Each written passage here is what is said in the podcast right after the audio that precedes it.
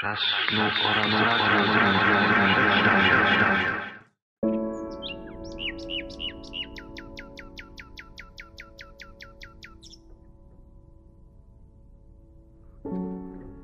If you awaken from this illusion Kiedy przebudzisz się z tej iluzji i zrozumiesz, że białe wynika z czarnego, ja wynika z innych, śmierć wynika z życia, lub mógłbym nawet powiedzieć, życie wynika ze śmierci.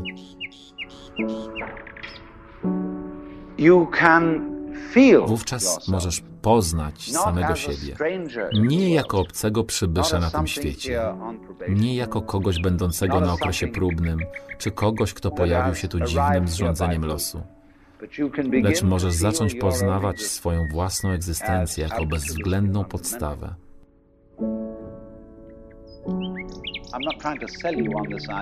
Nie zamierzam przekonywać cię do tego myślenia w sensie nawracania cię.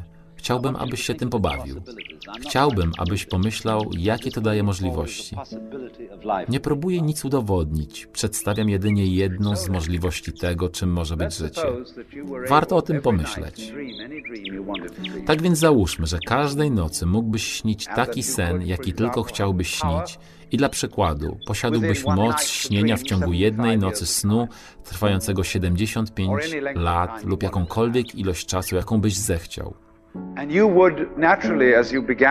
I kiedy rozpocząłbyś tę przygodę ze snami, chciałbyś oczywiście spełnić wszystkie swoje życzenia. Mógłbyś doznać każdego rodzaju przyjemności, jaką tylko byś sobie wyobraził. I po paru nocach całkowitej uciechy, każdej trwającej 75 lat, mógłbyś powiedzieć: No dobrze, to było całkiem niezłe, lecz teraz miejmy niespodziankę. Śnijmy taki sen, który nie jest kontrolowany, w którym przydarzą mi się rzeczy, o których nie będę wiedział. I mógłbyś pójść tak daleko, że budząc się z niego powiedziałbyś: Wow, to było zupełnie na krawędzi, czyż nie? I wówczas mógłbyś stać się jeszcze bardziej żądny przygód i ryzykować bardziej i bardziej w swoich snach. Aż w końcu mógłbyś zaśnić o tym, gdzie jesteś teraz. Mógłbyś śnić sen o życiu, jakie właśnie teraz wiedziesz.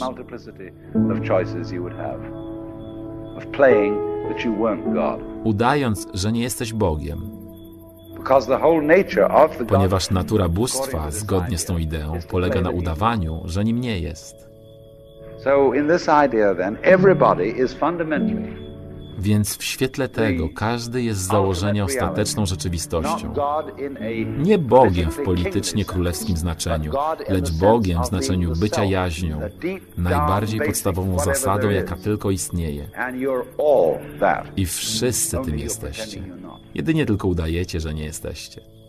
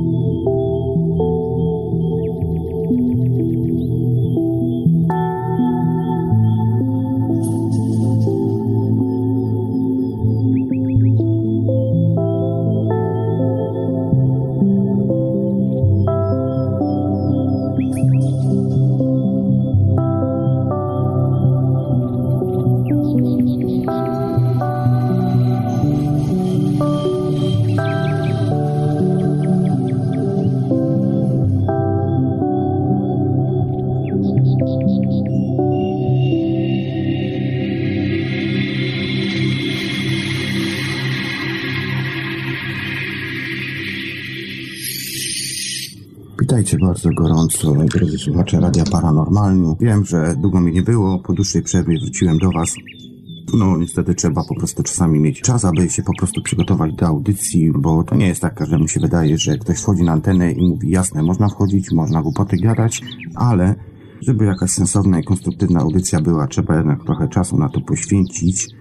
Także witam Was jeszcze raz w audycji na live'ie, ponieważ ta forma jest, wydaje mi się, najlepsza i mniej po prostu czasu mnie to kosztuje, bo też jednak i muszę pracować i muszę robić inne rzeczy wokół siebie ale po prostu czasami brakuje mi tego radia i po prostu mm, jest mi bardzo miło, kiedy wchodzę na antenę i mogę po prostu z wami podyskutować. To prawda nie zawsze ten Skype jest u mnie uruchomiony i na razie też jest wyłączony, ale jeżeli będzie taka potrzeba, to nie ma problemu. Mam już wszystko skonfigurowane, więc mogę po prostu nadawać. Audycja jest dzisiaj nietypowa, w inny sposób jest troszkę ułożona. Generalnie audycja będzie składała się z trzech, może czterech, albo nawet pięciu części.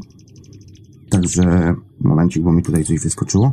Także będzie po prostu składała się z cyklów wykładów, które sobie wcześniej przygotowałem. Ja też lubię słuchać radia, więc po prostu też w momencie, kiedy wy będziecie słuchali, ja również będę słuchał sobie na słuchaweczkach i po prostu delektował się słowem Watsa. Tak, tak, bo nie podałem jeszcze dzisiejszego tematu. Generalnie mamy dzisiaj 4 grudnia 2017, to jest poniedziałek, a głównym tematem dzisiaj jest, przede wszystkim może ramówkę Wam podam, Audycja 3600 sekund, bo chcę wiedzieć, odcinek 10 już się odbyła. Była ona z puszki. Wiem, że są tam różne kontrowersje do tej audycji. Odniosę się do niej później może w audycji chilloutowej. Obecnie mamy audycję Czas Snu 013 i mam nadzieję, że nie będzie to pechowa audycja. Jest to audycja o Alanie Wattsie. Nazwałem to, zatytułowałem tą audycję mniej więcej w taki sposób. Alan Watts, filozof nowej ery. Kim jesteś, twoje własne ja? I tutaj opuszczę Wam trzy takie króciuteńkie jego eseje, natomiast jeden będzie taki dłuższy, 40-paru-minutowy, gdzie tak w skrótowy sposób, ponieważ jest to premierowa audycja o Alanie Wattsie, on to mniej więcej przedstawi, jak on to wszystko widzi, natomiast kontynuacja będzie oczywiście w kolejnych odcinkach, to już będą takie troszkę dłuższe wykłady. Jako jedyni macie możliwość wysłuchania oczywiście wysłuchacze Radia Paranormalium, na żywo y, z polskim lektorem, pełnych tłumaczeń jego wykładów, oczywiście pełnych w cudzysłowie, bo są to też kompilacje złączone z wielu wykładów, ponieważ Alan Watt był bogatą postacią. Ja wam zaraz skrócę mniej więcej jego krótki jego życiorys, natomiast po więcej to wiadomo jest Wikipedia i te wszystkie inne sprawy na internecie, więc spokojnie będziecie mogli sobie tam poczytać, jeżeli was to będzie tak bardziej interesowało. Natomiast jeszcze, żeby być już fair, pierwszy esej Alana Wattsa, który leciał na samym początku audycji, był to esej wyprodukowany przez wydawnictwo Kendra Publishing w składzie dwuosobowym Bernadette oraz Pawła Starzaka, które to powstało w 2010 roku po prostu oni, jeżeli sobie wejdziecie na ich stronę, ja później Marka poproszę, żeby, albo ja podlinkuję może pod audycją, także Marek tylko przekupiuje, ale strona i to jest www.alanwatts.pl i tam możecie sobie poczytać o tym wydawnictwie. Tutaj macie również audiobooki. Jest ich pięć rodzajów tych audiobooków. Nie będę streszczał wam tego, bo to w sumie nie ma sensu, żeby wam o wydawnictwie opowiadał. Tego mamy inne audycje, na przykład bibliotekarium, gdzie tam o książkach opowiada się i tak dalej. Natomiast tutaj jest bardziej taka audycja refleksyjna, która macie skupić do tego, żebyś przystanął, siadł na ławeczce i zaczął myśleć. Bo jeżeli zaczniesz myśleć, to jest to pierwszy krok do tego, aby zacząć zadawać pytania. Dobra, w takim razie żeby tutaj już wszystko leciało. Aha, jeszcze pozdrawiam, już tak już jestem na antenie, oczywiście to pozdrawiam wszystkich słuchaczy Radia Paranormalium, strony czasnu.com, Michała, Kloda, oczywiście Edka. Edek zmienił ostatnie godziny, wiem, że wcześniej nadaje, jak dobrze pamiętam, to chyba w pół do dziewiątej 20.30 czasu polskiego, więc ja no, ostatnio też przegapiłem, niestety nie zdążyłem nagrać pełnej audycji, więc po prostu jej nie opublikowałem. Natomiast jeżeli jeszcze czujecie się zobowiązani do tego, żeby w jakiś sposób wspomóc tutaj kapitana, oczywiście radia na fali, choćby przez to, że przez tyle lat kapitan nadawał i dawał nam dobre informacje, które powiedzmy wielu, wielu pobudziło, między innymi również ja z takich osób jestem, to zapraszam Was do tego, aby napisać do niego maila i zapytać się po prostu, w jaki sposób można mu pomóc. Info małpa radionafali.com to jest info do kapitana, to jest mail do kapitana. Jest to oficjalny mail, więc nic tutaj nie robię takiego tu złego. Dobra, to w takim razie o Alanie Wattsie zacznijmy. Alan Watts, w tak skrócie Wam przedstawię jego taki krótki życiorys. Natomiast no, czasem możecie po prostu doczytać, bo jest wiedza ogólnie dostępna w internecie. Audycje oczywiście, jak już wspomniałem, będą kilkuczęściowe i nie będą trwały więcej jak dwie godziny, bo uważam, że powyżej dwóch godzin nie ma sensu, żeby trwały audycje, bo po prostu Komu się chce słuchać dłużej? To tylko mamy jednego takiego re rekordzistę chyba. Jest Michał z Teorii Chaosu, więc tam was zapraszam jak najbardziej. Aha, Ivelius mi tu pisze, że mail Radia na Fali nie działa. No to niestety nie, nie potrafię wam tutaj podpowiedzieć, w jaki sposób tutaj wspomóc kapitana, czy choćby nawet z nim się skontaktować. Ja mam do niego prywatny, prywatne kontakty, natomiast nie jestem upoważniony do tego, aby udzielać, więc po prostu tego nie zrobię. No to dobrze. To w takim razie tak, o Alanie Watcie. Aha, jeszcze bo nie skończyłem. Po oczywiście audycji Czas Snu 13 będzie audycja premierowa śladami naszych przodków. Knoisan, najstarszy lud świata, będzie ona trwała godzinę. Dziś wyjątkowo będzie ona na live'ie. Natomiast zobaczymy, jak będzie to w przyszłości.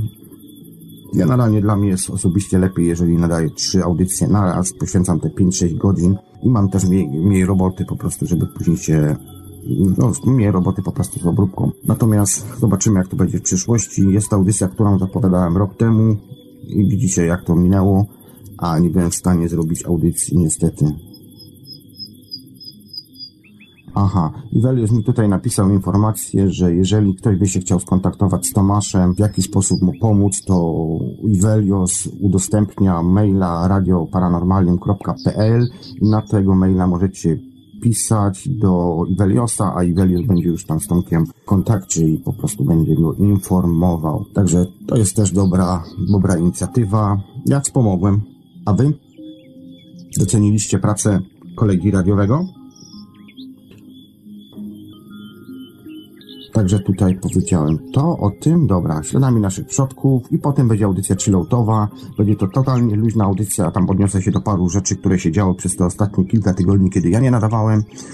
Nazwałem tą audycję chilloutową. Ona będzie gdzieś mniej więcej między drugą a trzecią w nocy. Zobaczymy, jak to się to wszystko ułoży z live'em. Nazwałem tą audycję Trzy elementy, puszka Pandory czy pudełko osobliwości. Odniosę się do, do pewnych elementów, o których mówi choćby nawet Bart w swoich audycjach Chata Mistyka, do których też również Was zapraszam, bo naprawdę świetne prowadzi audycje. Alan Watts.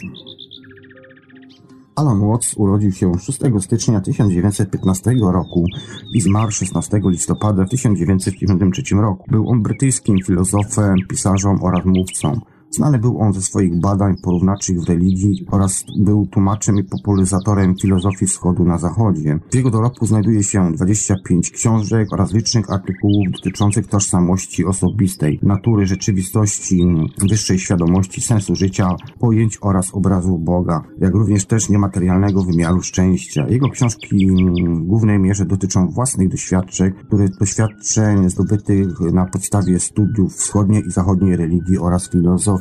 Dzieciństwo spędził on w rodzinie należącej do klasy średniej w wczesnej wsi Chilselhurst, Anglii w 1915 roku na Holbrook Lane 3. Obecnie ta nazwa zmieniła się na 5. Jego ojciec był reprezentantem londyńskiego biura firmy Michelin, zaś matka jego była gospodynią domową. Z powodu skromnych środków finansowych jego rodzice zdecydowali się żyć w środowisku wiejskim, gdzie ich syn Alan dorastał poznając otaczających ich przyrodę. Na jego zainteresowania rzeczami ponadnaturalnymi wpłynęły prawdopodobnie tradycyjne tradycje religijne ze strony rodziców jego matki. Jej ojciec był bowiem anglikańskim misjonarzem oraz też w pewnym sensie wpłynęła na niego lektura książek o tajemniczym Dalekim Wschodzie. Watts pisał później o swego rodzaju mistycznej wizji, które to jako dziecko doznał podczas gorączki. W tym czasie też był on pod wpływem malarstwa Dalekiego Wschodu, którego to źródłem stały się pejzaże oraz gobeliny podarowane jego matce przez anglikańskich misjonarzy powracających z Chin.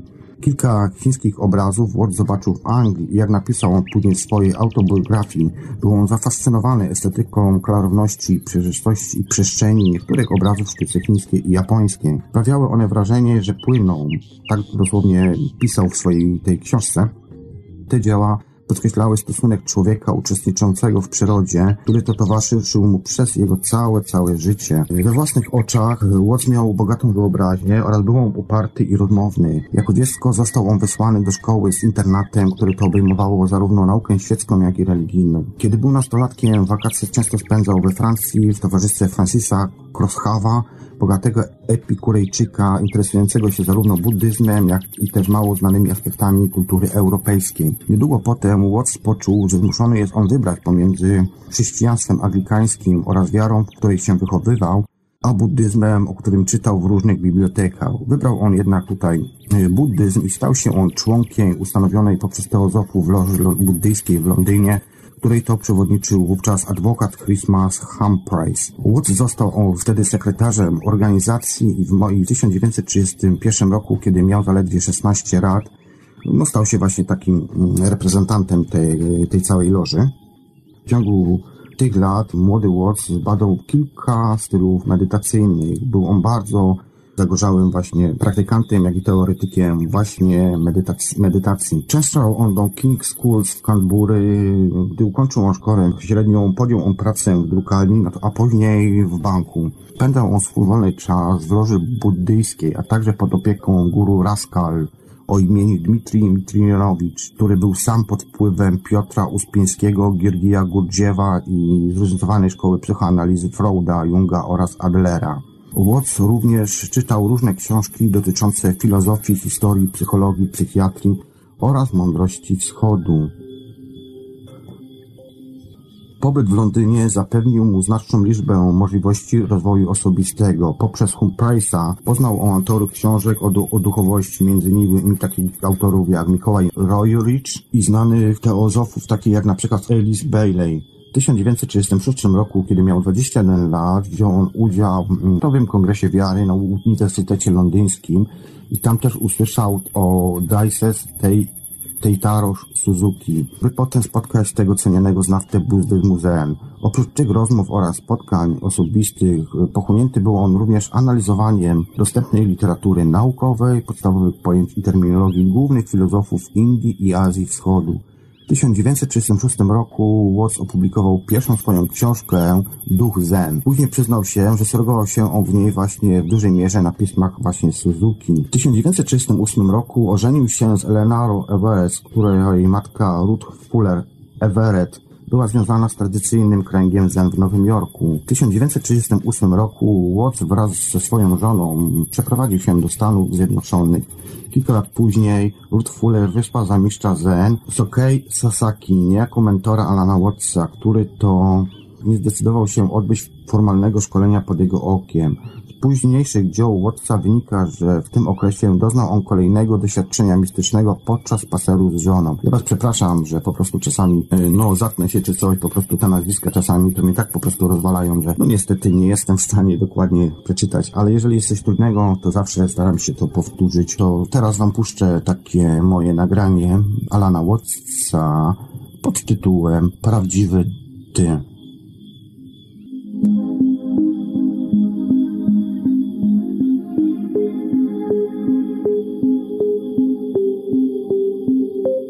Moc prawdziwy Ty. Kiedy jesteś gotowy, aby się przebudzisz, przebudzisz się. Kiedy zaś nie jesteś gotowy, pozostaniesz w miejscu, twierdząc, że jesteś jedynie niepozornym biedactwem. Ale skoro tutaj jesteś, zaangażowałeś się w tego typu poszukiwania, słuchasz tego rodzaju wykładu, zakładam, że jesteś już gotowy w procesie przebudzenia. Lub też, że drażnisz siebie z tego rodzaju flirtowanie z przebudzeniem.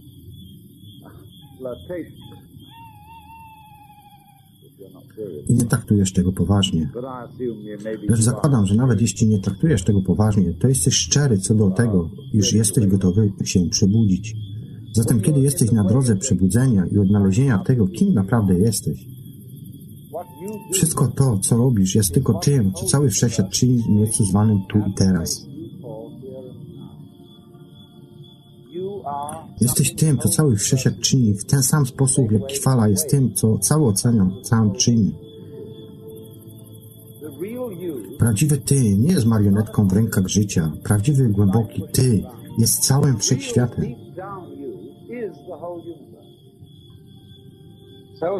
Zatem, kiedy umrzesz, wcale nie utniesz w wiecznym niebycie, ponieważ nie jest to doświadczenie. Wielu ludzi obawia się, że kiedy umrą, zostaną na wieki ulokowani w ciemności i w pewnym sensie doświadczają tego.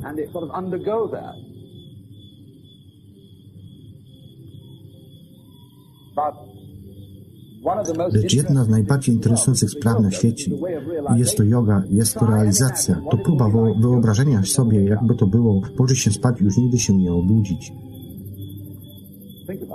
Zastanów się nad tym. Dzieci rozmyślają o tym. To jeden z najważniejszych cudów życia, jakby to było położyć się spać i nigdy się nie obudzić. To miało miejsce, kiedy się urodziłeś. Widzisz, nie możesz doświadczać niczego, natura nie znosi próżni. Jedynie nie musisz pamiętać o przeszłości. Tak samo jak nie musisz pamiętać tego, w jaki sposób pracuje Twoja tarczyca czy cokolwiek innego w Twoim ciele. Nie musisz wiedzieć, jak zaświeci słońce, po prostu to robisz. Tak samo jak oddychasz. Czy nie zdumiewa Cię to, jak niesamowicie złożony jesteś? I że robisz to wszystko mimo, iż nigdy tego się nie uczyłeś?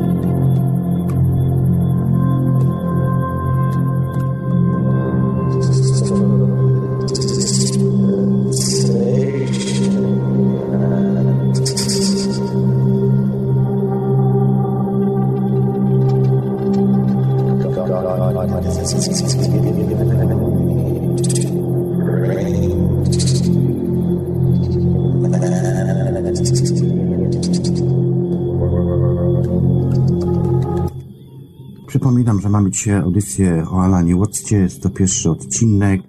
Odniosę się tylko króciuteńko do informacji, które są na czacie. Już wspomniałem wcześniej, dzisiaj zajmujemy się stroną duchową, o której mówił Alan Watts. Nie interesuje mnie sprawa, czy był komunistą, czy nie był komunistą. Pełny życiorys możecie sobie sami doczytać na internecie, który jest ogólnodostępny. Natomiast ja Wam mówię taką wersję skróconą tego, żeby po prostu mieć jakieś pojęcie, kim ta osoba w ogóle była. Dziękuję za pochlebne słowa na czacie paranormalium.pl. Tam jestem dostępny oraz na czacie na YouTubie, który to również retransmituje audycję Paranormalium. Przypominam, że audycja będzie składała się z trzech, czterech części. Dziś jest taka audycja startowa, że tak powiem, natomiast późniejsze audycje będą już troszkę inaczej wyglądały. Nie analizuję tutaj, nie wyciągam wniosków. Powiedzmy, że zostawiam sobie to na ostatnią audycję. W ostatniej audycji swoje własne wnioski, porównania, opinie wyciągnę i Wam tutaj przedstawię. Na razie tylko po prostu będę Wam przedstawiał no, całą filozofię pana Watsa, w jaki sposób on podchodził do sensu życia, do świadomości, do buddyzmu, oczywiście też do innych religii. Również takie wykłady będą i Wy jako słuchacze drodzy będziecie mieli możliwość wysłuchania tych wszystkich wykładów, oczywiście z moim lektorem po polsku, pełnych wersjach. Wykłady będą trwały nawet i po 50 minut. Jeszcze taka jedna wzmianka, bo zapomniałem powiedzieć na początku startu audycji. Te wszystkie wykłady, które są przetłumaczone, będą przetłumaczone z lektorem polskim wiem, że już parę wykładów są troszkę błędy, bo po prostu źle coś wymówiłem te wykłady po prostu popoprawiam później. I te wszystkie wykłady będą dostępne na stronie czasnu.com. Będzie można to ściągnąć jako pojedyncze wykłady czy też eseje, natomiast zrobię też, to będzie taki prezent już ode mnie i raczej nie zrobię tego do końca tego roku. Postaram się to zrobić, kiedy zakończę cały cykl z Alanem Wattsem i będziecie mieli po prostu możliwość ściągnięcia pełnego audiobooka, który będzie trwał około 10 godzin, bo tyle mniej więcej sobie podliczyłem, gdzie będziecie mieli same te mądrości i słowa, które używał Alan Watts, yy, kiedy jeszcze żył. Zgadza się, już tu ktoś pisał wcześniej, że taką, no, jak każdy, tak samo, e, tak samo można powiedzieć o Carlosie Castanedzie. Carlos Castaned zaczerpniał swoich wo- zwolenników i przeciwników, tak samo Alan Watts, ale tak jak powiedziałem wcześniej, ja się tu koncentruję na informacji, których on po prostu dawał i, i jak sobie wejdziecie na, choćby nawet na YouTube'a, na wersje anglojęzyczne, to możecie sobie zobaczyć, jak bardzo był popularną postacią tutaj na zachodzie. Polsce też, co prawda, ale chyba troszkę mniej znaną był postacią, aczkolwiek wiem, że w 2010 roku właśnie wydawnictwo Kegra Publishing y, właśnie zajęło się Alanem Wattsem, nagrali już tam pięć właśnie audiobooków, które można sobie zakupić z profesjonalnym oczywiście lektorem, no wiecie, no, profesjonalne to profesjonalne, jak ktoś na tym zarabia, to musi to dobrze zrobić. Ja robię tutaj w, z własnej woli, ponieważ lubię nadawać w radiu, kocham radio i po prostu i chcę, żeby też inni mieli, bo nie każdego stać po prostu na kupno, choćby nawet drogich audiobooków. Więc tu dostaniecie ode mnie w prezencie dla słuchaczy Radia Paranormalium oraz czasnu.com będą pełne audiobooki, jeden pełny audiobook, albo też będziecie mogli sobie ściągnąć również pojedyncze pliki. Te pliki również umieszczę na chomiku i będą one również dostępne do opinii publicznej na YouTubie. Dobrze, to w, tak, takim razie ja sobie tylko jeszcze sprawdzę tutaj, czy wszystko jest ok. Dobra, leci ok. Kontynuujemy w takim razie wywody o Alanie Wattsie. Poszukiwania i nauczanie Wattsa przyniosło mu kontakt z wieloma intelektualistami, artystami, amerykańskimi nauczycielami w ruchu potencjału człowieka. Jego przyjaźń poetą Garym Schneiderem kultywował on sympatię dla ruchu ekologicznego, dla którego to Watts dał filozoficzne wsparcie. Korzystał on przez wiele lat ze stypendium na Uniwersytecie Harvarda. Wygłaszał on wykłady na wielu uczelniach. Jego wykłady, czy też książki wywarły dalekosiężny wpływ na amerykańską inteligencję w latach 50., 70. ubiegłego wieku. Jednak Watts był tutaj często, często jako outsider w środowiskach akademickich. Podczas ostrej wymiany zdań w czasie swego wykładu na Uniwersytecie Kalifornijskim Santa Cruz w 1905 roku Watts stwierdził, że nie jest on filozofem akademickim, a raczej artystą filozofem. Był on krytykowany poprzez buddystów takich jak Philip Kaplow, John Dale Lori i Taizen Tetiro Suzuki za rzekomo błędną wykładnię kilku kluczowych pojęć buddyzmu zen. Krytykowany był on też za przekonanie, że zen nie oznacza siedzenia w ściśle określonej pozycji, a raczej wyćwiczony stan umysłu, który to można osiągnąć w dowolnej sytuacji. Kaplan napisał, że Łody odrzucił zarazem napis zazen na podstawie połowy Koanu. W odniesieniu do wyżej wymienionego Koanu Robert Aitken oznajmił, iż Suzuki powiedział mu, tutaj zacytuję, z przykrością stwierdzam, że pan Watts nie rozumie tej historii. Koniec cytatu. Tłumacz Shobe Genzo. Autor wspomina o tym i sugeruje, że zen w swojej istocie polega na zazen i nie można pojąć go bez praktyki. Watts był dziwną postacią, generalnie skoczył marnie. Umierając, jak dobrze pamiętam, chyba, chyba miał zawar serca, nie wyląć serca, jak dobrze pamiętam, to dojdę później, tam jeszcze wam dokładnie to wytłumaczę. Ale kontynuujmy w takim razie, ja sobie tylko musiałem chwilkę sprawdzić, czy wszystko tu mam ok. Dobra.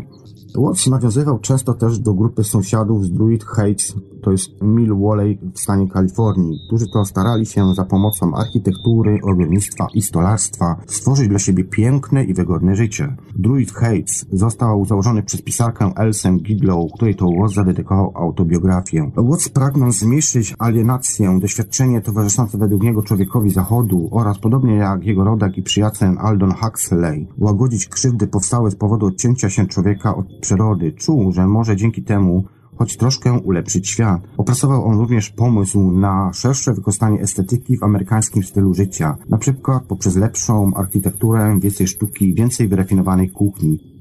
Autobiografii pisał on również. Odnowa kultury może mieć miejsce, gdy mieszają się kultury wysoce zróżnicowane. To cytat pochodzi z jego książki. W późniejszych latach działalności, w latach 50. wyrażał on podziw dla praktyczności Han, to jest taki odłam zen na Dalekim Wschodzie, gdy wspomagał on rozwój rolnictwa, architektury, budownictwa, medycyny ludowej, sztuki oraz administracji wśród mnichów żyjących w klasztorach swoich szkół. W wieku dojrzałym Watt przedstawiał się jako buddysta zen, jak pisał on w swojej ostatniej książce.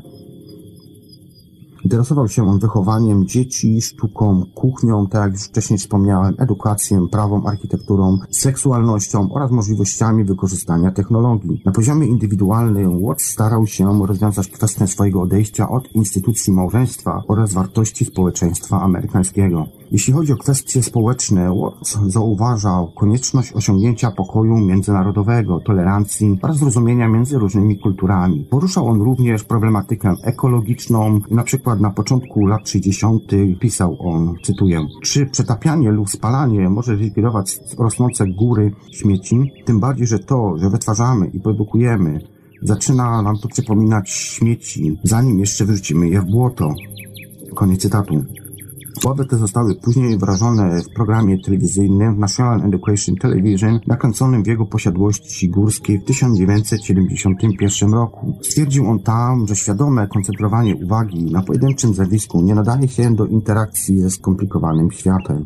W swoich pismach nawiązywał też do tego, że przeszedł on od republikańskiego konserwatyzmu do bardziej perspektywy prawnej i politycznej. Jednak nie ufa on zarówno politycznej lewicy, jak i prawicy, więc znalazł inspirację w chińskiej księdze Shuangji. Powiadało mu wiele aspektów powszechnie pojmowanej idei postępu. Wolał on swojskie, częściowo izolowane enklawy społeczne obszarów wiejskich, jak również wierzył w tolerancję dla mniejszości seksualnych, wyrzutków społecznych i ekscentrycznych artystów. Watts potępiał urbanizację terenów miejskich i towarzyszących jego stylowi życia. O tym będziecie również mogli sobie wysłuchać właśnie w wykładzie, który zaraz wam puszczę, kiedy skończę tutaj czytać jakby taki krótki życiorys. Będzie to, będzie to wykład Alan Watts, stań się na powyt tym, kim naprawdę jesteś. I tam będzie oczywiście mój lektor, u, mój głos użyty jako lektor. Wersję oryginalną oczywiście możecie znaleźć na YouTubie, jest to wersja z napisami więc jeżeli ktoś lubi czytać, może sobie poczytać, ale jeżeli ktoś woli posłuchać, to będzie miał teraz okazję i w późniejszym czasie będzie mógł sobie po prostu pliczek ściągnąć, po prostu na spokojnie w papciach przy komiku posłuchać sobie. Jeden z wykładów, który głos zatytułował The Ends on the Put Down on Man, filozof przedstawił pozytywny wizerunek zarówno przyrody, jak i człowieka. Pozytywnie opisywał różne etapy rozwoju jednostki, w tym młodzieńczych lat. Potępiał nadmierny cynizm i rywalizację, wychwalał inteligencję, kreatywność, dobrą architekturę oraz żywność. Uważał, że moralność absolutna nie ma nic wspólnego z podstawową realizacją głębokiego duchowego spełnienia. Opowiadał się za etyką ogólnospołeczną zamiast osobistą.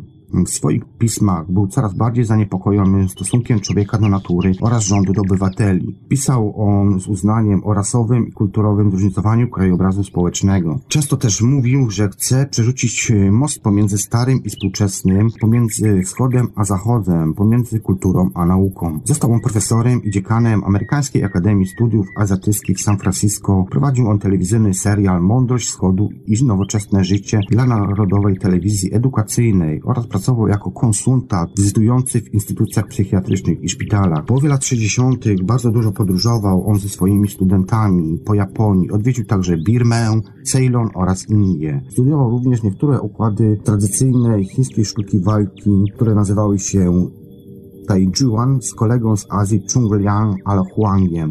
W wielu późniejszych swoich publikacjach, zwłaszcza w Behind Theology i w książce Tabu Against Know Who You Are, Watts przedstawił wizję świata czerpiącego z hinduizmu, filozofii Chin, panteizmu czy też nauk współczesnych. Założył on, że wszechświat polega na zabawie wchowanego z kosmiczną jaźnią, która tu ukrywa się przed samą sobą. Nazywano to jest jako Maja poprzez stawianie się wszystkim żywym i nieożywionym rzeczom we wszechświecie oraz zapomnieniu tym, kim naprawdę się jest. W rezultacie wszyscy jesteśmy ową maskującą się jaźnią. Zgodnie z tą wizją twierdził Watts, że nasza koncentracja człowieka jako ego w torbie skóry jest mitem, jako że podmiot, który nazywamy odrębnym w rzeczywistości jest jedynie częścią czy też aspektem całości. Był on trzykrotnie żonaty, miał siedmioro dzieci, ładnie pięć córek oraz dwóch synów.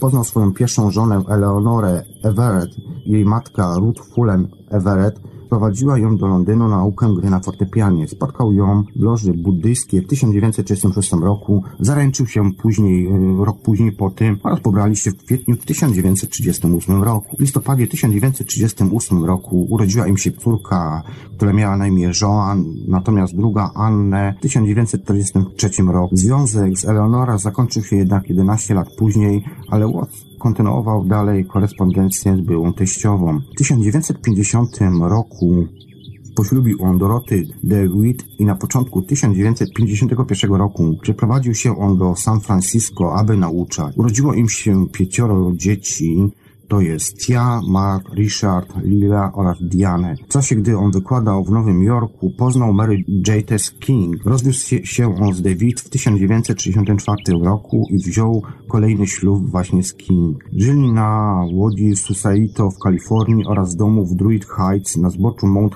Tapalpais w pobliżu San Francisco. Obciążony on obowiązkami społecznymi i finansowymi, Watts był uzależniony od alkoholu, co prawdopodobnie też skróciło czas trwania jego życia. W październiku 1973 roku wrócił on z wyczerpującej trasy po Europie, a 16 listopada 1973 roku w wieku 58 lat zmarł on we śnie w swoim domu na Mount Tamalpais z powodu niewydolności serca. Nie będę wam tutaj biografii mm, całej jego przedstawiał, bo to generalnie jest ogólnie dostępne na Wikipedii. Możecie sobie bardzo fajne właśnie, ja się tym posiłkowałem, jak wam tutaj mówiłem. Za chwilkę będzie wykład Alana Wattsa Stań się na powrót tym, kim naprawdę jesteś. To jest mój wykład przetłumaczony, znaczy właściwie to mój głos, że tak powiem. Także tutaj Alan Watt przemówi moim głosem lektorskim. Próbować określić siebie to jak próbować ukryć własne zęby. Zrozumiałem, że przeszłość i przyszłość są realnym złudzeniem, że istnieją w teraźniejszości, która to z kolei jest wszystkim, co istnieje. A zatem samotność moją zawdzięczam innym ludziom. Nie mają sensu żadne plany na przyszłość snute przez tych, co nie umieją żyć tu i teraz. Święci potrzebują grzeszników, a nirwana to akceptacja chwili obecnej. To były eseje Alana Wattsa i już za chwileczkę poleci Alan Watts. Stań się na powrót tym, kim naprawdę jesteś. Alan Watts. Wierzę, że jesteśmy zdolni do szczerości wobec samych siebie, aby zadać samemu sobie najbardziej fascynujące na świecie pytanie. Kim jestem? Co myślę? Co czuję? Kiedy mówię słowo ja, ja, moja osoba. Myślę, że nie ma bardziej abs absorbującego pytania niż to pytanie, ponieważ ukrywam nieodgadnioną tajemnicę, iluzję. Gdyż to, kim Ty jesteś w najdalszej głębi samego siebie, jest poza granicą Twojej obserwacji. W taki sam sposób, jak nie możesz zobaczyć własnych oczu bez pomocy lustra. Nie możesz ugryźć własnych zębów, posmakować własnego języka, jak również opuszka palca, dotknąć opuszką tego samego palca. Dlatego zawiera w sobie niebywałe odczucie tajemnicy. To pytanie, kim jestem? Ten problem fascynował mnie przez wiele lat. Zadałem sobie wiele pytań. Co znaczy słowo ja? Są ustalenia, pewne umowy, zwłaszcza dla ludzi żyjących w zachodniej cywilizacji. Większość z nas odczuwa słowo ja, ego, świadomość siebie jako źródło, jako centrum uwagi, pewien rodzaj zachowania, który zamieszkuje w środku worka z mięsem powleczonym skórą. I dlatego mamy to, co ja nazywam koncepcją nas samych jako torbę ze skóry stanowiącej otoczkę tak zwanego ego. Jest bardzo zabawne, w jaki sposób używamy słowa ja. W czasie naszych normalnych rozmów nie mówimy, ja jestem ciałem. Mówimy raczej, moje ciało, mam ciało. Czujemy, że nasze serce samo bije. Nie ma to wiele wspólnego z ja. Innymi słowy, nie czujemy własnego ja jako coś, co jest identyczne z fizycznym organizmem, raczej jak coś, co jest wewnątrz niego. Większość mieszkańców Zachodu lokalizuje położenie ego we własnej głowie. Jesteśmy gdzieś pomiędzy naszymi oczami, pomiędzy uszami, schowani gdzieś za dziurkami w nosie, co również może być punktem odniesienia. Nie jest to prawidłowością we wszystkich kulturach. Kiedy osoba z Chin bądź Japonii pragnie wskazać centrum swojego ja, dotyka mostka piersiowego, nie głowy. Tutaj Japończycy nazywają kokoro. Chińczycy nazywają to mushi, umysłem serca. Niektórzy lokalizują siebie w splocie słonecznym. Jednak większość z nas lokalizuje siebie za oczami, gdzieś między uszami, tak jakby wewnątrz głowy. Był rodzaj zarządzania, jakby centrala FAS miała główną kwaterę Denver, gdzie siedzi człowiek w wielkim pomieszczeniu, otoczony ekranami monitorów, radarów i tego rodzaju rzeczy. I z tego miejsca obserwuje wszystko, co dzieje się na świecie. W podobny sposób mamy wyobrażenie o nas samych, małego człowieka w naszej głowie, który przetwarza informacje otrzymywane z uszu, na monitorach przed nimi, obrazy tego, co widzą oczy. I całą resztę. Elektrod oplecionych dookoła ciała, przekazujących sygnały z rąk i temu typu rzeczy, przed nimi nawet panel z przyciskami i tysiącami innych rzeczy, kontrolujące najważniejsze czynności ciała, ale nie jest ono tym samym ciałem. Mogę kontrolować jedynie ruchy, na które mam wpływ. Czynności niezależne jak odruchy dzieją się same. Dzięki nim mogę się poruszać. Program, który kieruje żołądkiem, porusza również moim ciałem. Po tym wywnioskowałem, że tak właśnie jest powszechne pojęcie o tym, co rozumiemy jako moją osobę. Spójrzcie, w jaki sposób dzieci pod wpływem naszej kultury zadają pytania. Mamo, kim bym był, gdyby tatoś był kimś innym? Już jako dziecko ma wyobrażenie zaczerpnięte z naszej kultury, że matka i ojciec dali mu jego ciało, którym wyskoczył i pojawił się na tym świecie. Czy jest to koncepcja, czy jest to założenie, a może domysł? W całym procesie naszego myślenia jest przekonanie o tym, że jesteśmy duszą, swego rodzaju duchową esencją, zamieszkałą w więzieniu, jakim jest nasze ciało. I patrzymy na świat zewnętrzny, jak na coś, co jest nam obce. Mówiąc słowami poety Husmana, czuję się obcy i wystraszony w świecie, który nie jest przeze mnie stworzony. Dlatego mówimy o konfrontacji rzeczywistości, stawianiu czoła faktom. Mówimy o przyjściu na ten świat. I wszystkie sensacje i uczucia, które życie nam niesie, dzieją się jak na odizolowanej świadomością siebie samotnej wyspie, naszego ciała, worka kości, który zmaga się z wrogim i obcym światem. To, co jest poza mną, nie jest mną, jest poza. Powstało fundamentalne przekonanie, odczuwanie go jako nieprzyjazny, obcy, podział między nami, a tak zwanym światem zewnętrznym. Dlatego to nieustannie mówimy o podporządkowaniu sobie natury, podbiciu kosmosu i odbieramy życie jako walkę z otaczającym nas światem. Więcej o tym powiem drugiej części mojej lektury. Teraz jednak pragnę się przyjrzeć dziwnemu odczuciu wrażenia wyobcowanego ja. powiem, jest całkowitym absurdem mówienie, że przyszliśmy na świat. Nie przyszliśmy, wyszliśmy z niego. Jak nam się wydaje, kim jesteśmy? Wyobraźmy sobie świat jako drzewo, że jesteśmy liśćmi na jego gałązkach, czy jako ptak, który przysiadł na martwym drzewie. Przytulające w nieznanych miejscach z pewnością wszystko, co wiemy o życiu żywych organizmów z nowego punktu widzenia mówi nam, że jesteśmy jako ludzie efektem życia tego świata. Można powiedzieć symptom, objaw, przejawienie w całości, jaką tworzy wszechświat.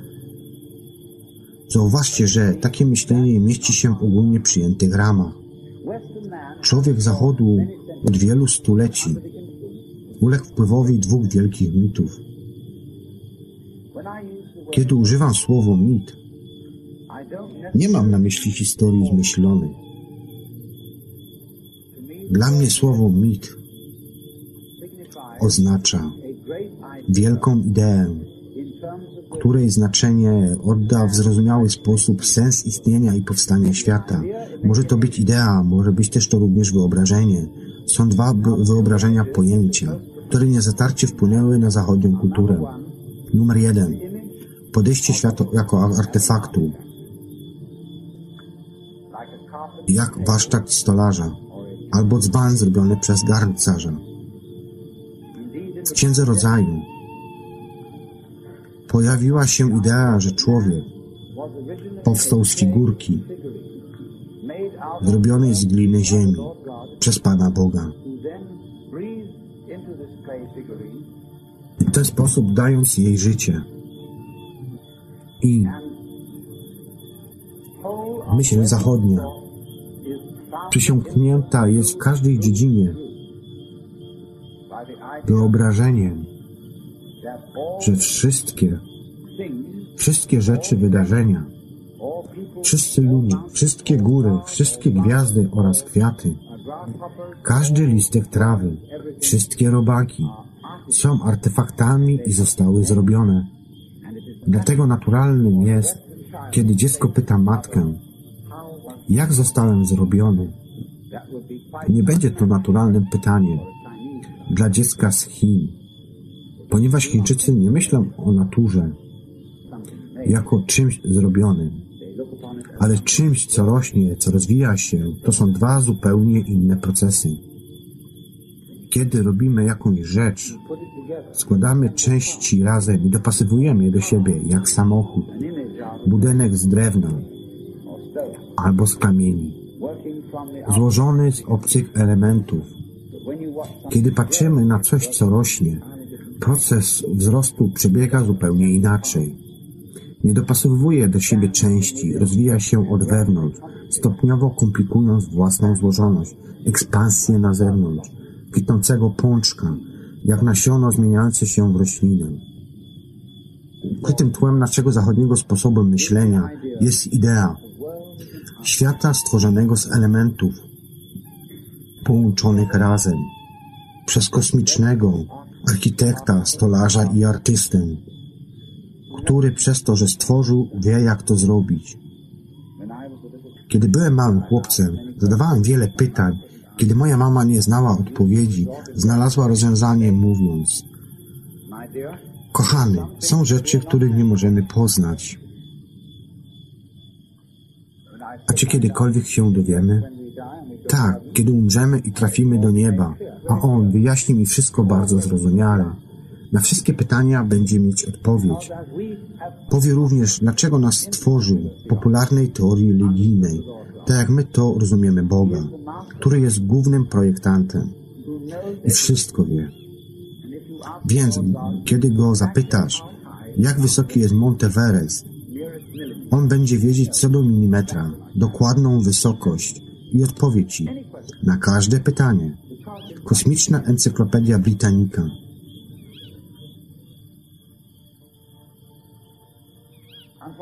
Niestety, takie wyobrażenie albo mit zdominował człowieka Zachodu. który z tego powodu czuje się więźniem wydarzeń, które nim rzucają. I cały czas czuje na sobie obserwujący wzrok surowego sędziego. Moja znajoma, bardzo religijna kobieta, zmieniła religię na katolicką. Bardzo oświecony katolik.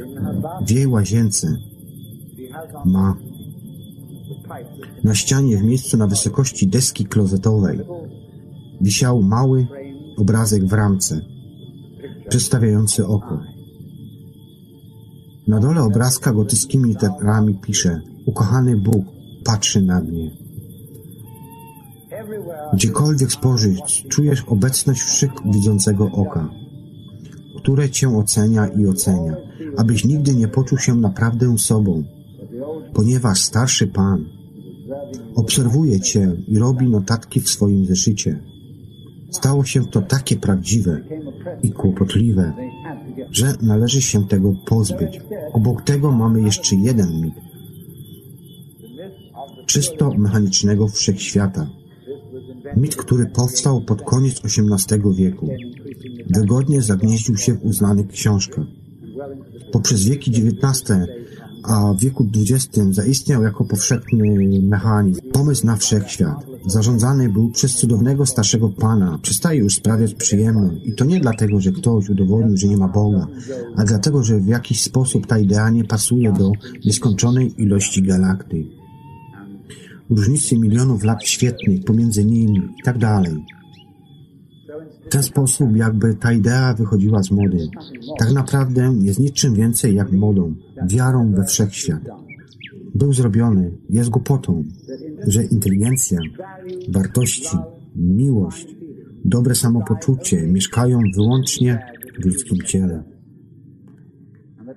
poza którym na zewnątrz rzeczy dzieją się chaotycznie i bez sensu, w sposób głupi, przypadkowych powiązań, nierozumnych sił.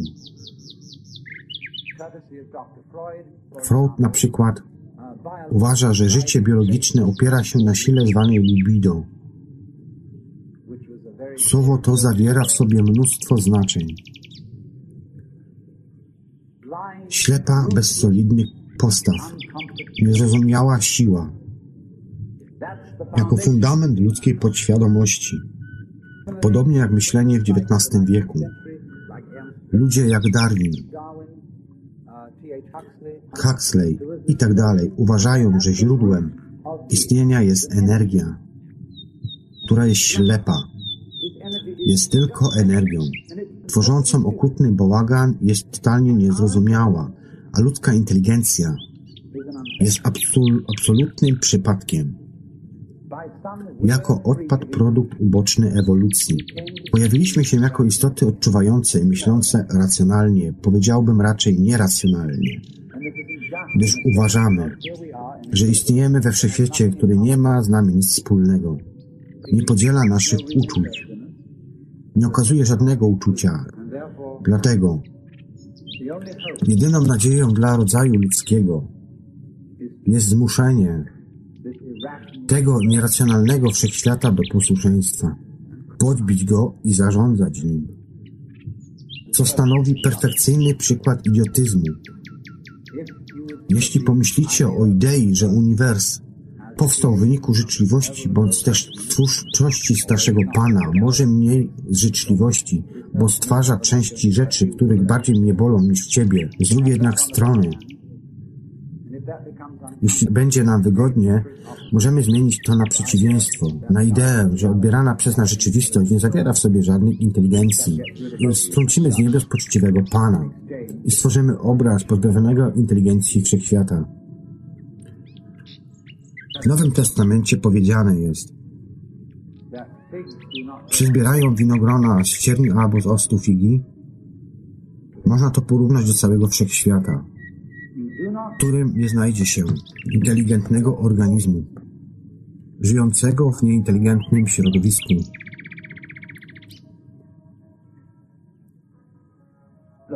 Popatrzcie. Mamy drzewo w ogrodzie. Rodzi jabłka. Nazywamy to drzewo jabłonią. Częstuje nas jabłkami. To właśnie robi.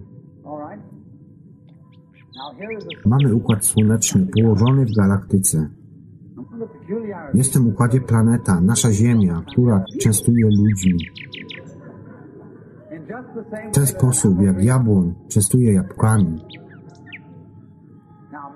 można sobie wyobrazić, dwa miliony lat temu przybył ktoś z innej części galaktyki, latający z podku, rozejrzał się po układzie słonecznym, podrapał po plecach i pomyślał, same kamienie.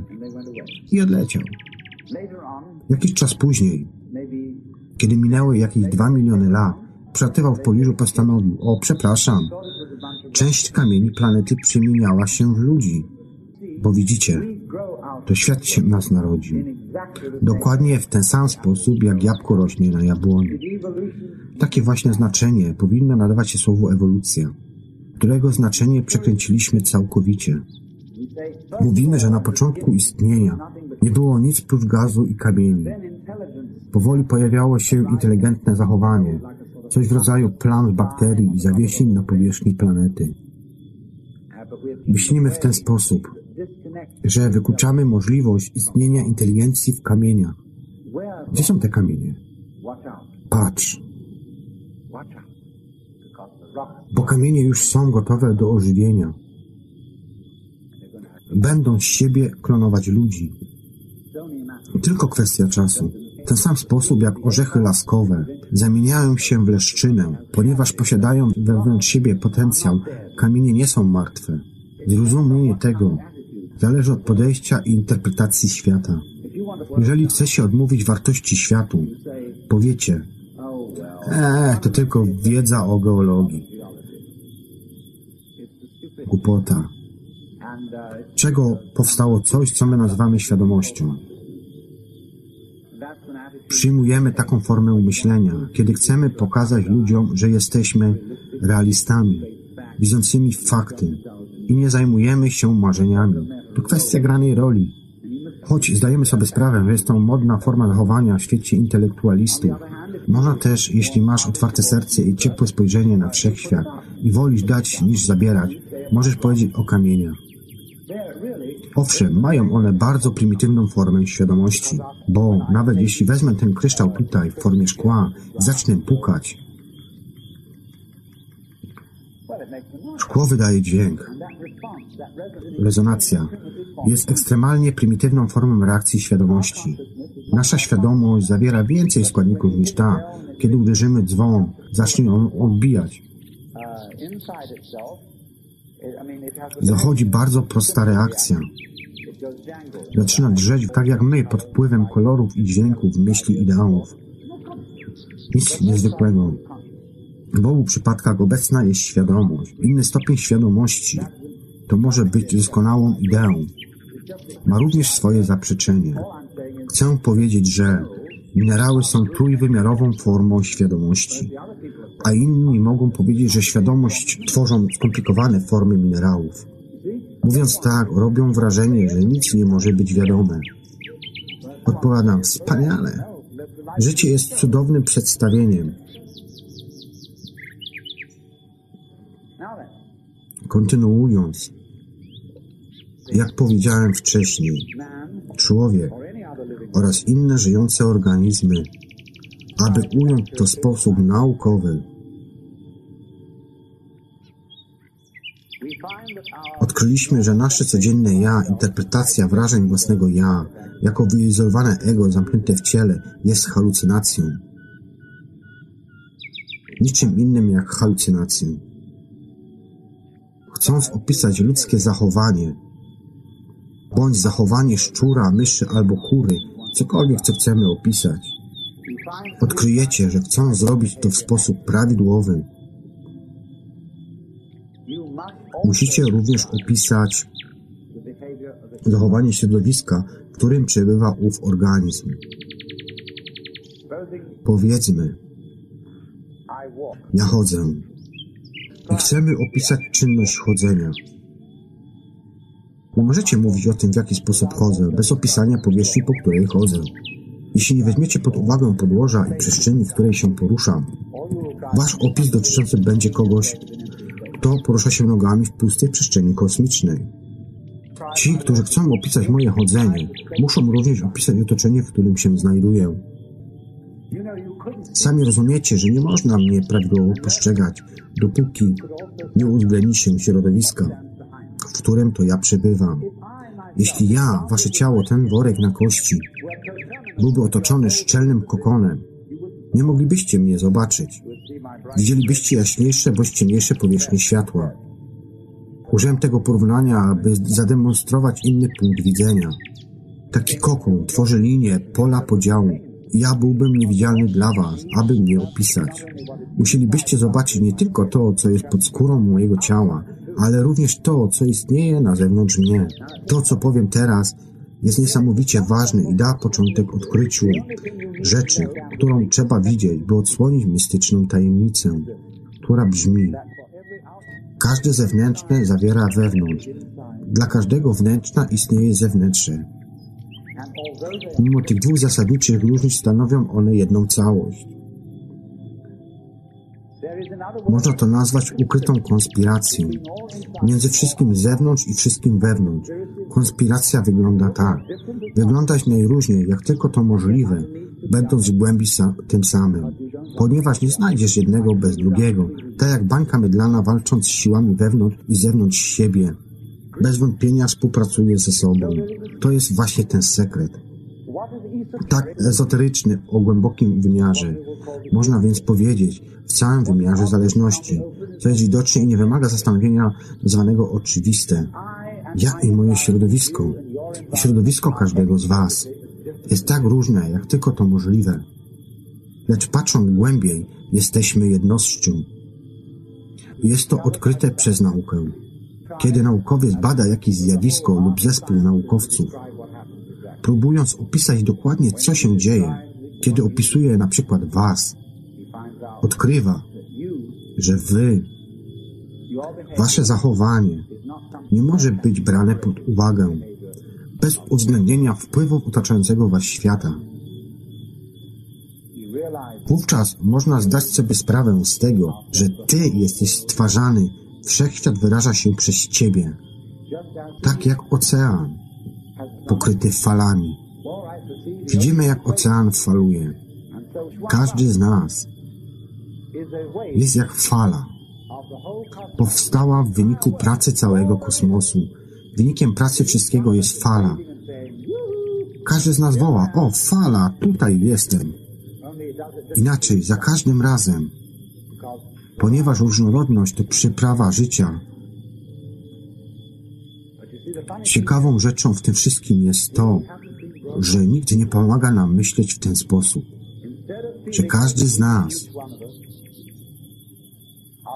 jest częścią przeogromnej całości istnienia oraz jego przejawów.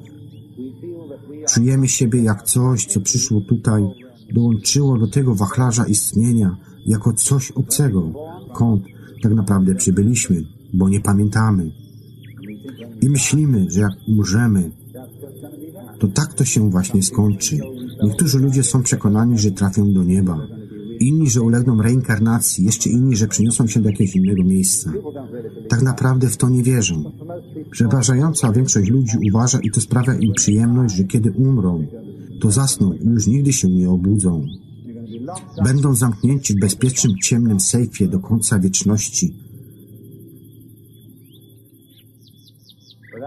Jak widzicie, wszystko zależy od fałszywego zrozumienia pojęcia, kim jestem.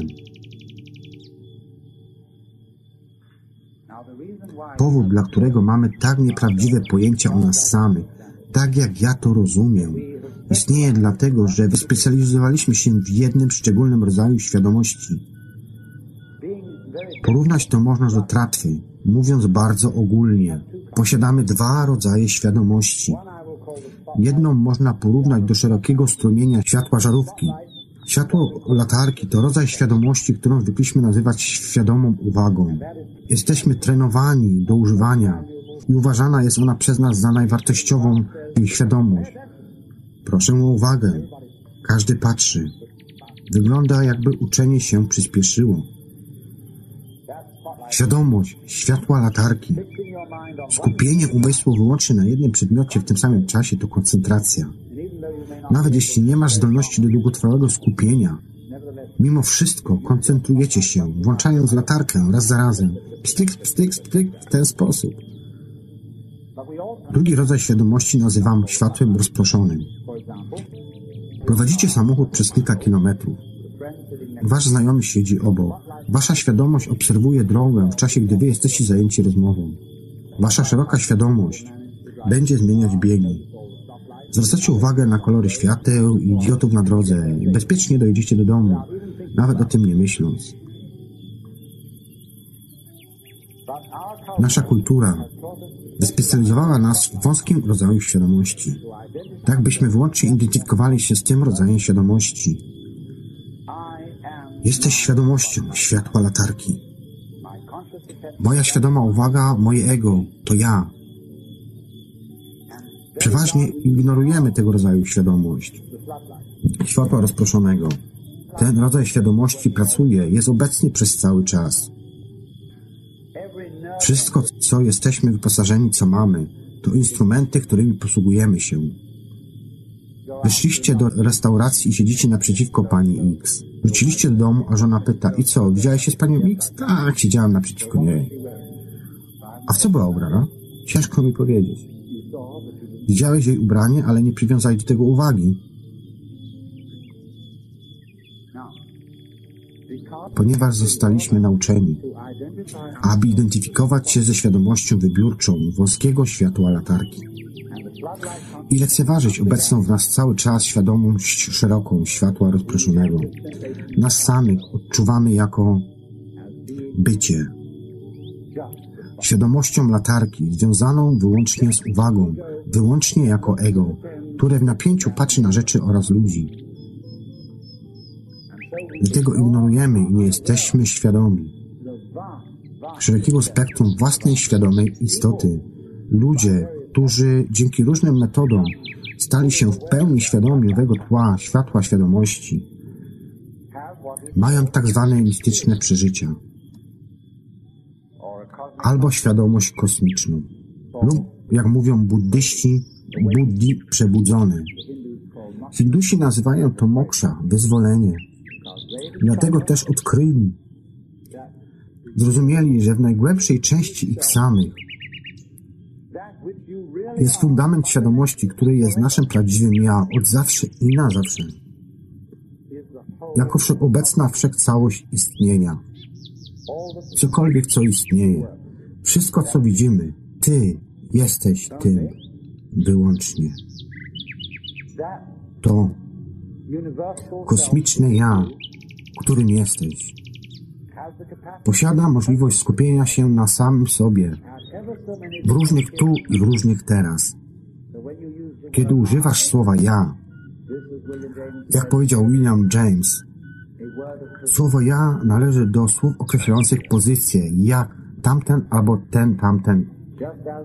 Tak jak słońce czy gwiazdy w tak wielu miejscach, poprzez które cały wszechświat wyraża siebie samego. W Tobie i w Tobie i w Tobie i w Tobie w sposób niepowtarzalny sposób bawi się. Zabawa w Bushmana, w panią Marię Kowalską, Jaśka Kowalskiego, zabawa w żuki, motyle, taki zabawa w gwiazdy. Podobnie jak gry, różniące się między sobą. Jak poker, oczko, gra w tysiąca, gra planszowa, gierki chowanego, wad, mazurek, monument i tak dalej, i tak dalej. Taniec na nieskończone sposoby. Każdy pojedynczy taniec wyraża, można powiedzieć, wiem, widzę Ciebie. Gra udaje Ciebie i udaje całą resztę. Zapomnieliśmy. Nie wiemy o tym z powodu naszego wychowania, abyśmy nie byli świadomi tego połączenia. Nieświadomi, że każdy z nas jest efektem, elementem tej gry, aktorem na jakiś czas. Więc powiedziano nam, że śmierć jest końcem, koniec przedstawienia. Już nigdy więcej nie powtórzy się, że należy się bać śmierci, rzeczy, które ona niesie. Ból, chorobę, cierpienie. Jeśli tego nie wiecie, jeśli nie jesteście świadomi faktu, że wasze życie to najwyższa gra, najlepsze przedstawienie, tracicie przyjemność życia, które staje się miksturą bodźców, podniecenia zmieszanego z poczuciem winy, kiedy rodzą się nam dzieci. Zaczynamy bawić się nimi, tą grę, zamiast powiedzieć, jak się czujesz? Witamy Cię w ludzkim ciele. Kochanie, na tej planecie bawimy się bardzo w skomplikowane gry, mające różne zasady. Chcę, byś je zrozumiał i nauczył się grać w nie. A kiedy zrozumiesz i będziesz starszy, może zaczniesz wymyślać lepsze zasady tej gry. Byłoby to prostsze dla nas i dla naszego dziecka. Zamiast tego mówimy, jesteś tutaj na okresie próbnym. Zrozumiałeś? Być może. Ale do tego czasu będziesz obserwowany. Jeszcze nie jesteś jednym z nas. Jesteś. Jesteś gnojkiem. Potrzeba ci szkoły i edukacji. Bata i rózgi, zanim staniesz się człowiekiem. Taki rodzaj podejścia narzucany jest nam od czasu niemowlęcia kontynuowany jest do późnej starości. Jest tak ustawione od początku do końca życia. Ludzie kręcą się tu i tam, czują, że to miejsce nie należy do nich. Rodzice od razu powiedzieli im, ty tu nie pasujesz, oj, najcierpisz się. Nie przejdziesz próby, nie jesteś wartościowym człowiekiem jeszcze. Ludzie czują się w ten sposób do późnej starości. Wymyślają więc, że wszechświat zarządza rodzice, ojciec, Pan Bóg itd., itd. Tu oczywiście podchodzi do rzeczy z miłością, ale zbiera kamienie na boku. Jeśli go nie kochasz, będziesz trafiony jednym z nich. Odrobina sadyzmu. Kto jeszcze mnie nie kocha? Pokażcie się. Ludzie naprawdę czują, że nie przynależą tutaj. Mamy mieć ducha zjawę, które ja nazywam chrześcijańskim ego, żydowską domieszką.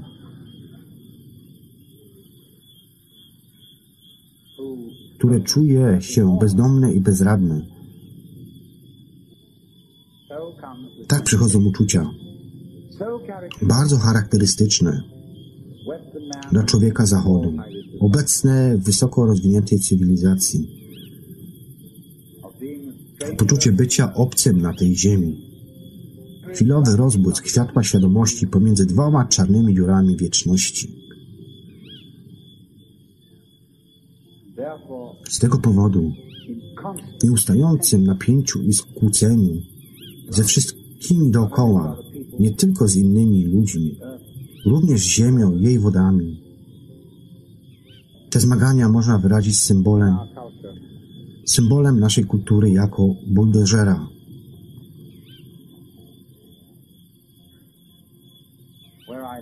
Tam, gdzie mieszkam, nie opodał pro, promu, naprzeciwko którego są po drugiej stronie rzeki wspaniałe wzgórza. Dobry architekt, projektując zabudowanie góry, wcale nie musi jej niszczyć, aby wybudować dom. Jeśli chcesz mieszkać w miejscu, gdzie są góry, zamieszkaj na jednej z nich. Nie musisz zniszczyć środowiska góry, dlatego że chcesz tam mieszkać. Ale tak właśnie robią. Zwłaszcza w Kalifornii.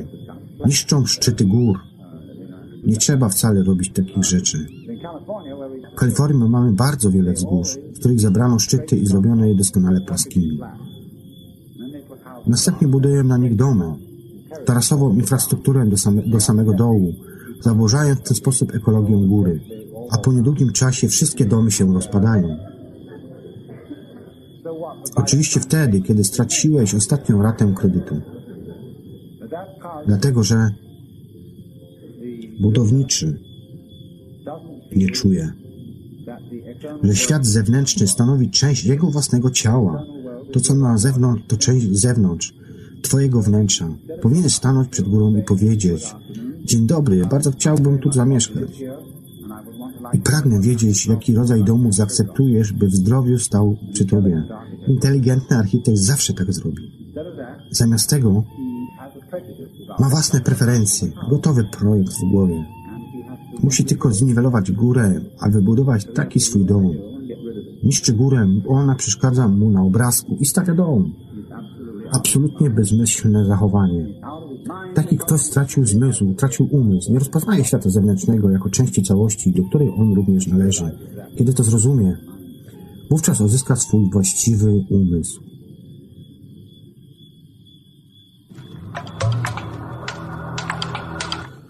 Tak, i oto wysłuchaliśmy wykładu Alana Woodsa. Stań się na powód tym, kim naprawdę jesteś. Było to moje tłumaczenie, które będzie oczywiście później poprawione i dostępne. Ja Was z góry przepraszam za pewne błędy, no bo zdarza mi się to. Po pierwsze, Alan Watts czasami naprawdę niezrozumiale mówi i mówi dość szybko, a dwa, no niestety ja, mieszkając 13 lat poza granicami kraju, jedyny kontakt mam z językiem polskim tylko poprzez radio. Mieszkam w międzynarodowej grupie pracuję w międzynarodowej grupie, więc właściwie mam po prostu utrudniony kontakt z językiem polskim, tym bardziej, że mm, no, zdałem sobie z tego sprawę parę lat temu, kiedy to, kiedy, kiedy wcześniej się śmiałem z tego, że jak można zapomnieć język polski, niestety mnie to spotkało i dlatego czasami mi się to zdarza. Inspiracją do w ogóle z, zrobienia audycji o Alanie Watcie był Claude Monet, który w jednej z teorii chaosu wspomniał właśnie o nim, ja sobie dopiero wtedy, znaczy wtedy sobie przypomniałem po prostu tą postać, że kurczę, przecież ja z nim kiedyś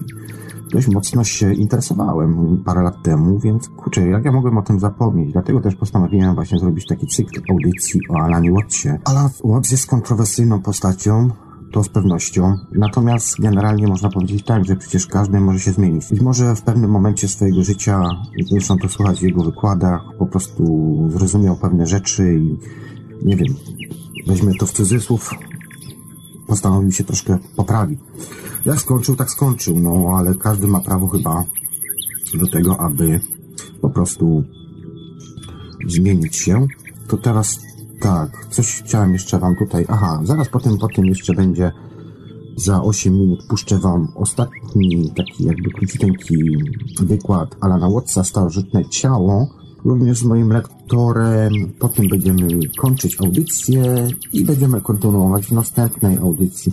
Jeszcze zanim tutaj Mamy jeszcze około 8 minut, więc po prostu po, postaram się jeszcze co nieco powiedzieć, o, co myślał o nirwanie Alan Watts. Dlaczego każdy musi doświadczać swojej boskości, czyli co jest tak ważne w entogenezie?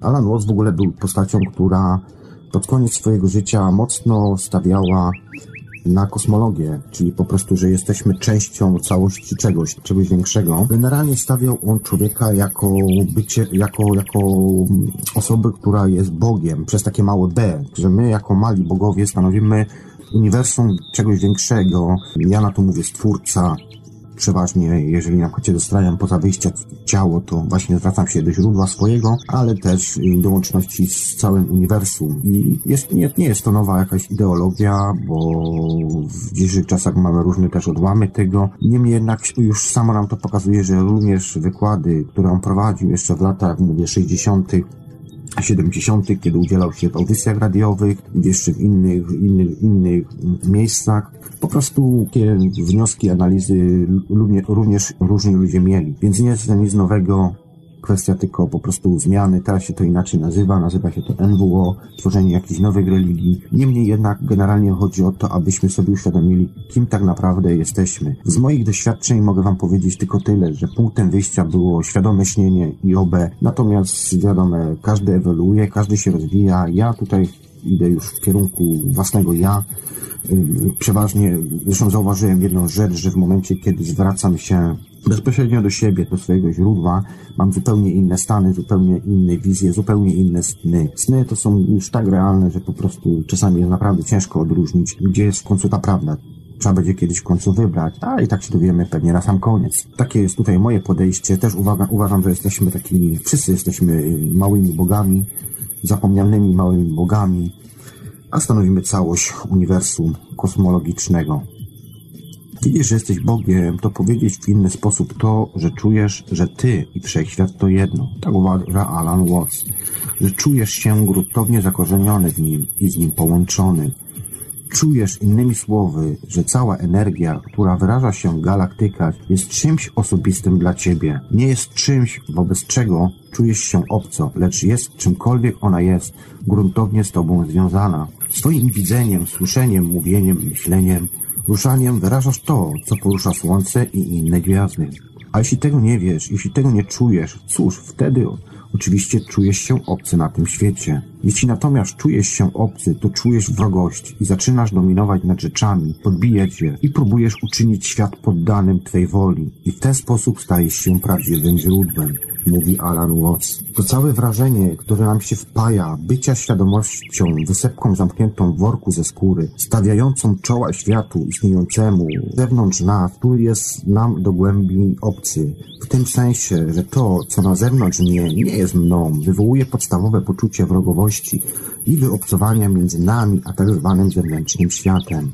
Wszechświat to zasadniczo system, który zakrada się ku samemu sobie i nagle krzyczy uuu, śmiejąc się potem z własnego podskoczenia, ale za każdym razem, gdy to robi, to o czymś zapomina i w ten sposób nigdy się nie staje on nudziarzem. Tak, poruszamy się po kręgach, ale ten róg kołowy, co można stwierdzić patrząc na niebo, to sposób poruszania się całego wszechświata. Generalnie stan świadomości, inne od tej normalnej, które są uważane za formę choroby, ja przynajmniej tak twierdzę, twierdzi Alan Watts.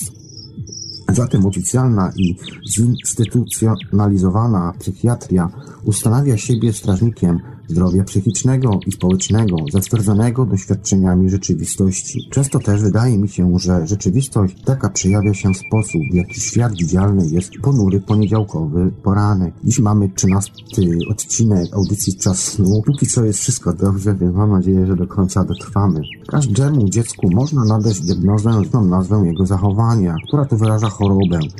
Jak, jak sugeruje Jung, samo życie jest chorobą z bardzo marną diagnozą, która ciągnie się przez lata i niezmiernie kończy śmiercią. Śmiem bowiem twierdzić, że dziś wiemy o ludzkim umyśle tyle, ile wiedzieliśmy o galaktykach w 1300 roku.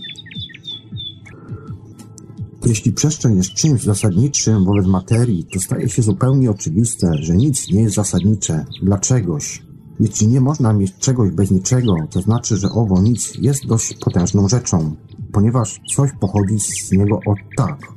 Jeśli taki dogmat zachodniej myśli wyrażony łacińskim zdaniem nic nie powstaje z niczego, ale tak właśnie nie jest.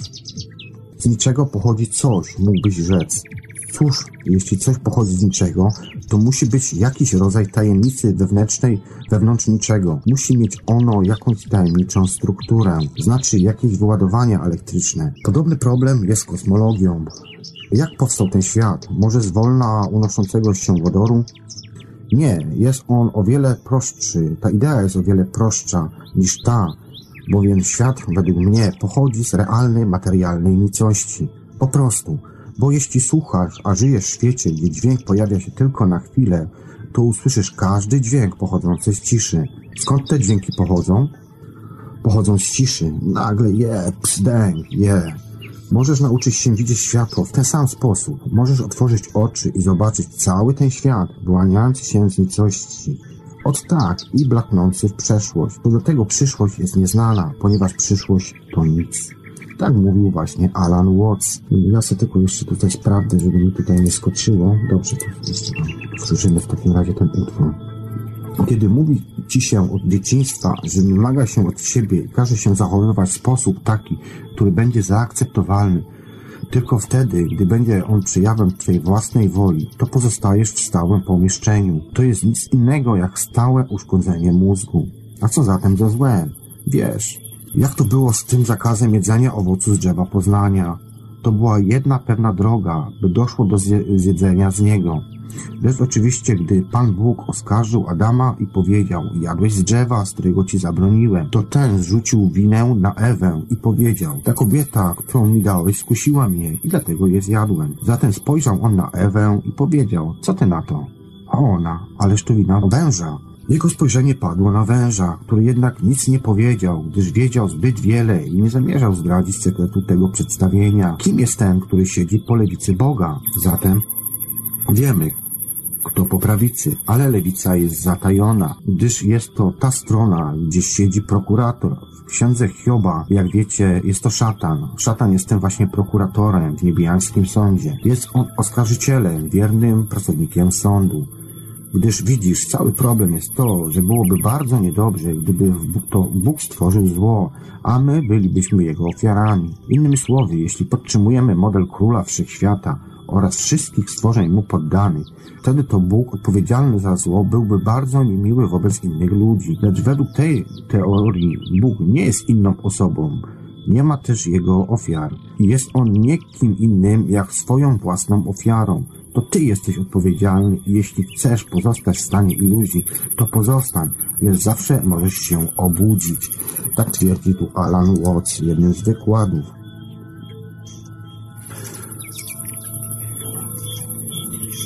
Nie potrzebujesz próbować być Bogiem, już nim jesteś. Jeśli próbujesz, to znaczy, że nie wiesz, że nim jesteś i stąd próbujesz poznać i zapanować nad przyszłością oraz wierzysz prorokom i innym podobnym ludziom. Cóż, proroctwo jest po prostu zanieczyszczeniem przyszłości, przeszłości, projektowaniem naszej wiedzy na nieznane. I to właśnie dlatego rzeczy takie jak astrologia, choć interesujące, są absurdalne. Gdyż jeśli znasz przyszłość, to nie ma dla ciebie już żadnej niespodzianki. Całkowicie znaną przyszłością jest przeszłość, tylko ją masz na własność. Jest wiele, wiele mądrości, których mówi tutaj Alan Watts i które będą się pojawiały eseje oraz wykłady w kolejnych odcinkach audycji Czasnu. Nie wiem, czy będzie za tydzień audycja 14 i druga część o Alanie Watcie. Jeżeli tak, to będzie informacja udzielona na stronie czasnu.com oraz na paranormalium.pl. W prawym górnym rogu oczywiście na czasnu.com. A jeżeli nie, to, to będzie to, na pewno będzie za dwa tygodnie ponieważ no, też muszę mieć czas, żeby się przygotować do audycji, pomontować y, różne rzeczy. Po audycjach też również obrobić, wrzucić w parę miejsc, więc to też wszystko zajmuje. Nie jest takie piękne i kolorowe, jak się wielu słuchaczom wydaje, choćby nawet w komentarzach, którzy mi piszą, że, że coś schrzaniłem, coś zrąbałem. Tak, coś schrzaniłem, coś zrąbałem, mam tego świadomość i dlatego nie odpisuję po prostu, bo już raz, dwa razy gdzieś tam udzieliłem informacji i nie będę każdej osobie odpisywał tylko dlatego, żeby go zaspokoić. Po prostu tak jest i tyle. Każdy się tutaj rozwija w radiu. Nie każdy ma też na samym początku startu dar mówienia. Ja się uczę tego, jak widzicie, chyba idzie mi coraz lepiej co świadczą choćby nawet wpisy na czacie czy na YouTubie, czato, na YouTube'owym czacie, także bardzo Wam serdecznie dziękuję. Pozdrawiam jeszcze również chłopaków nadających repu paranormalnym, między innymi Barta, który ma świetne audycje. Bardzo fajny temat ostatnio rozwinął o sztucznej inteligencji. Też mam swoją pewną teorię, być może coś tam powiem, choćby nawet nawiązując też do przedostatniej debaty ufologicznej, gdzie tam panowie rozmawiali właśnie o właśnie o tych sprawach. Pozdrawiam Kloda, Michała, e, dzielnie walczącego z nieprzychylnymi ludźmi. Kapitana Tomasza również pozdrawiam i czekam na jego powrót, bo już zaczyna mi się tęsknić za hiperprzestrzeniami. I Weliosa też również za piękne cykly audycji debat ufologicznych i nie tylko, również bibliotekarium, świetnie się, którego świetnie się słucha oraz warsztaty ABW. Wszystko to dostępne oczywiście w archiwach Radia Paranormalium. No nic, pozostaje mi tylko z Wami się pożegnać, mm, puścić Wam jeszcze ostatnie tłumaczenie Alana Wattsa Starożytne Ciało, które trwa 8 minut i 15 sekund. Ja Was zapraszam do odwiedzania strony czasnu.com. Wszystkie utwory, które wpuszczamy, tutaj puszczam, ja właściwie puszczam y, w moich audycjach, zawsze są umieszczane na stronie, którą Wam wcześniej wymieniłem. Także jeżeli kto, kogoś jakiś utwór interesuje, a mam czasami zapytania, czy też na maile mi przychodzą informacje, żebym podał informacje, więc te wszystkie utwory na pewno znajdziecie u mnie na stronie. No i cóż, pozostaje mi się z Wami pożegnać, podziękować Wam za słuchanie. Z tego co patrzyłem, to chyba maksymalnie na live było około 80 osób, więc jakowy wieczór chyba i tak jest nieźle. No co, życzę Wam w takim razie dobrego dnia wtorkowego, jeżeli pracujecie tu w pracy, a jeżeli nie, no to cokolwiek co robicie, abyście sobie to wszystko tak ładnie poukładali, jak sobie tylko zaplanowaliście. Pamiętajcie, że to wy wszystko robicie, wszystko kreujecie i tak naprawdę nie potrzebujecie żadnych jakichś mistrzów, nauczycieli, aby wam mówili, jak wy macie żyć, bo to jest wasze życie, wasz pilot i tylko wy jesteście w stanie zmienić kanał, przyłączyć się na inny odbiór. Pozdrawiam was wszystkich serdecznie i zapraszam na następną audycję. A teraz posłuchajcie jeszcze ostatniego wykładu. Pamiętam bardzo mądrego człowieka, który dawał wykłady takie jak ten. Gdy wchodził, zwykł milczeć i przeglądać się widowni. Patrywał się w każdego z widowni po kolei. Po dłuższym czasie wszyscy zaczynali czuć się totalnie zakłopotani. Gdy się tak w nich wpatrywał, zwykł mówić. Obudźcie się. Wszyscy śpicie. Jeśli się nie obudzicie, nie będzie żadnego wykładu.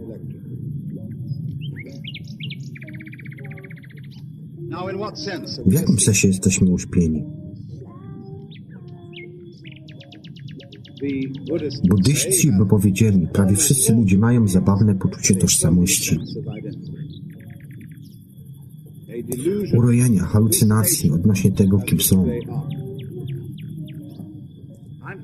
Jestem strasznie zainteresowany tym problemem tożsamości I staram się dowiedzieć, co ludzie mają na myśli, gdy mówią ja.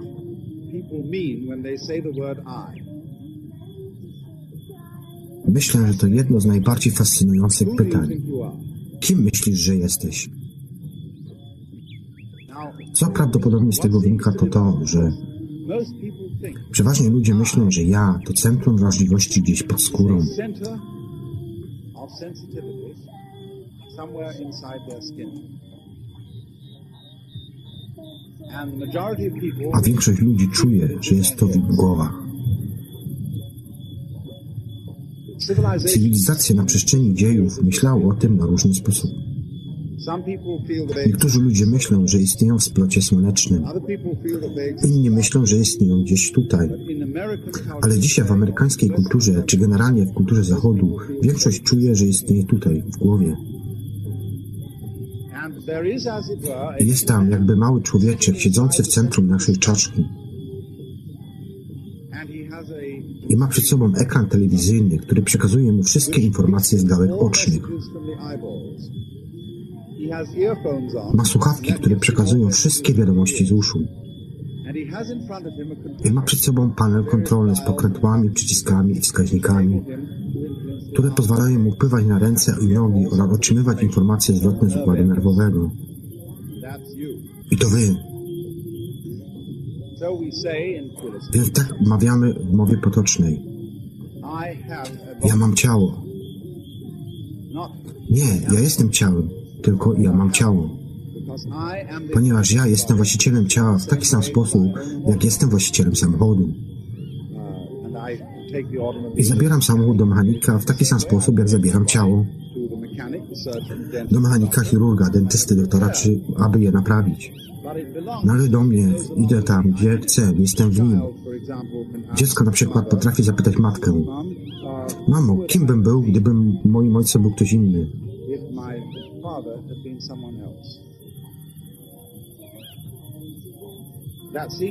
Jest to proste i logiczne pytanie, wychodząc z założenia, że to rodzice dali ci ciało.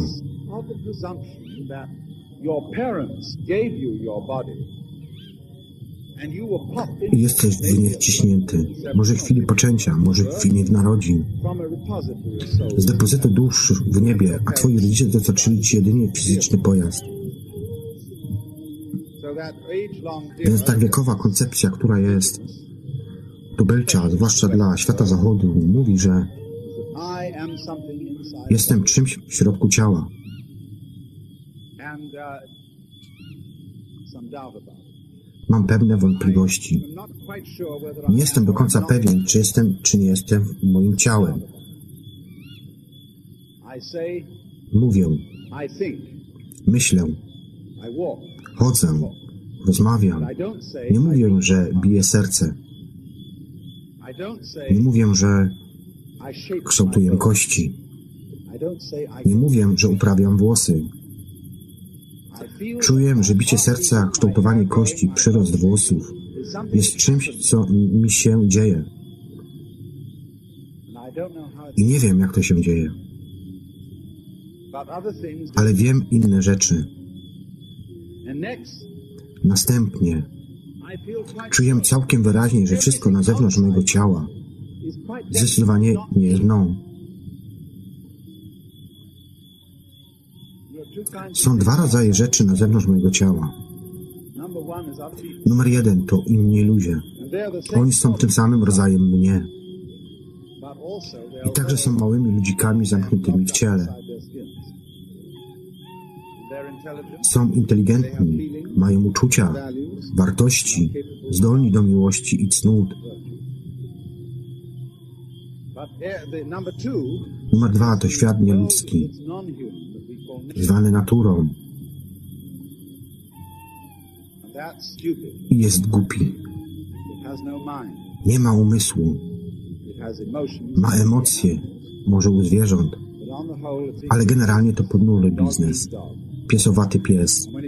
Jeżeli chodzi o poziom geologiczny, to jest on najgłupszy z możliwych. To mechanizm jest wszędzie,